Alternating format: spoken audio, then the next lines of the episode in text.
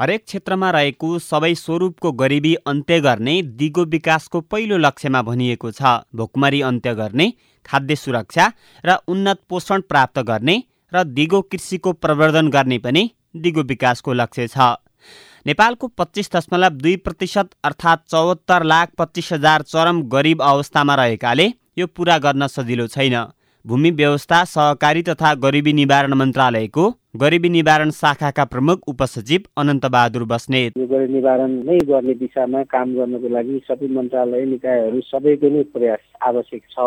त्यो काम पनि विभिन्न मन्त्रालयबाट गरिबी निवारणसँग सम्बन्धित भएर काम पनि भइरहेको अवस्था छ। हामीले विगतमा छब्बिसवटा जिल्लाको गरिब घर परिवार पहिचान गरिसक्यौँ अब बाह्रवटा जिल्लाको गरिब परिवार पहिचान गर्ने काम यो वर्ष भइरहेको छ। सबै उमेर समूहका व्यक्तिका लागि स्वस्थ जीवनको सुनिश्चित गर्दै समृद्ध जीवनस्तर प्रवर्धन गर्नका लागि चौबिसवटा सूचक तय गरिएका छन्। सत्रवटा दिगो विकास लक्ष्यमध्ये एउटा त समुद्रसँग जोडिएको छ। तेस्रो लक्ष्य पुरा गर्न अलिक कठिन हुने बताउनुहुन्छ। स्वास्थ्य मन्त्रालयका प्रवक्ता महेन्द्र श्रेष्ठ। केही रोगहरू नियन्त्रण नियमन गर्ने काममा हामीहरू चुकेका छौँ। जस्तो कुष्ठ रोग निवारण गऱ्यौँ तर त्यो फेरि अब त्यो चाहिँ बढिरहेछ। छे रोग हाम्रो बढिरहेछ। त्यसपछि अहिले डेङ्गी जस्ता रोगहरू देखियो। त्यसपछि हाम्रो खोपबाट जुन बच्ने रोगहरू दादुरा रोग हामीसँग निवारणको अवस्थामा थियो त्यो पनि अहिले फेरि केही देखिन लागेको छ। यस्ताले केही चुनौतीहरू थपेको छ। सबैको निम्ति खानेपानी तथा सरसफाइको उपलब्धताका साथै यसको दिगो व्यवस्थापन सुनिश्चित गर्ने दिगो विकासको छैटौँ लक्ष्य छ। यसै महिनाको तेह्र गते मुलुकलाई खुला दिशामुक्त क्षेत्र घोषणा गरिनुलाई एउटा लक्ष्य पुरा गर्न सजिलो हुने सरकारको बुझाइ छ।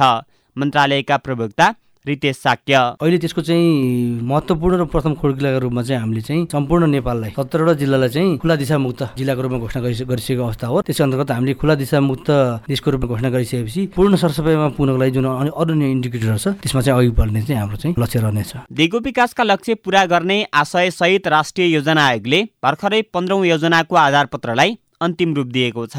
राष्ट्रिय योजना आयोगका उपाध्यक्ष डाक्टर पुष्पराज कण्डेल समृद्ध नेपाल सुखी नेपाली अलि दीर्घकालीन नारा हो। त्यो पाँच वर्षमा हुँदैन। पन्ध्र योजना चाहिँ पाँच वर्ष योजना हो। त्यस हुनाले त्यो त्यो दीर्घकालीन योजनाकै एउटा भाग हो यो पञ्चवर्षीय भाग हो। त्यसलाई त्यसै गरी नै बुझौँ एउटा चिज गुणस्तरीय शिक्षा सामुदायिक स्रोतको संरक्षण लैङ्गिक समानता उत्पादनशील रोजगारी लगायत लक्ष्य दिगो विकासका छन्। कार्यान्वयनका लागि सरकारी र गैर सरकारी निकाय बीचको समन्वय र सहकार्य बने अझै प्रभावकारी बनाउनु पर्ने देखिन्छ। केशव भुल सिआइएन काठमाडौँ।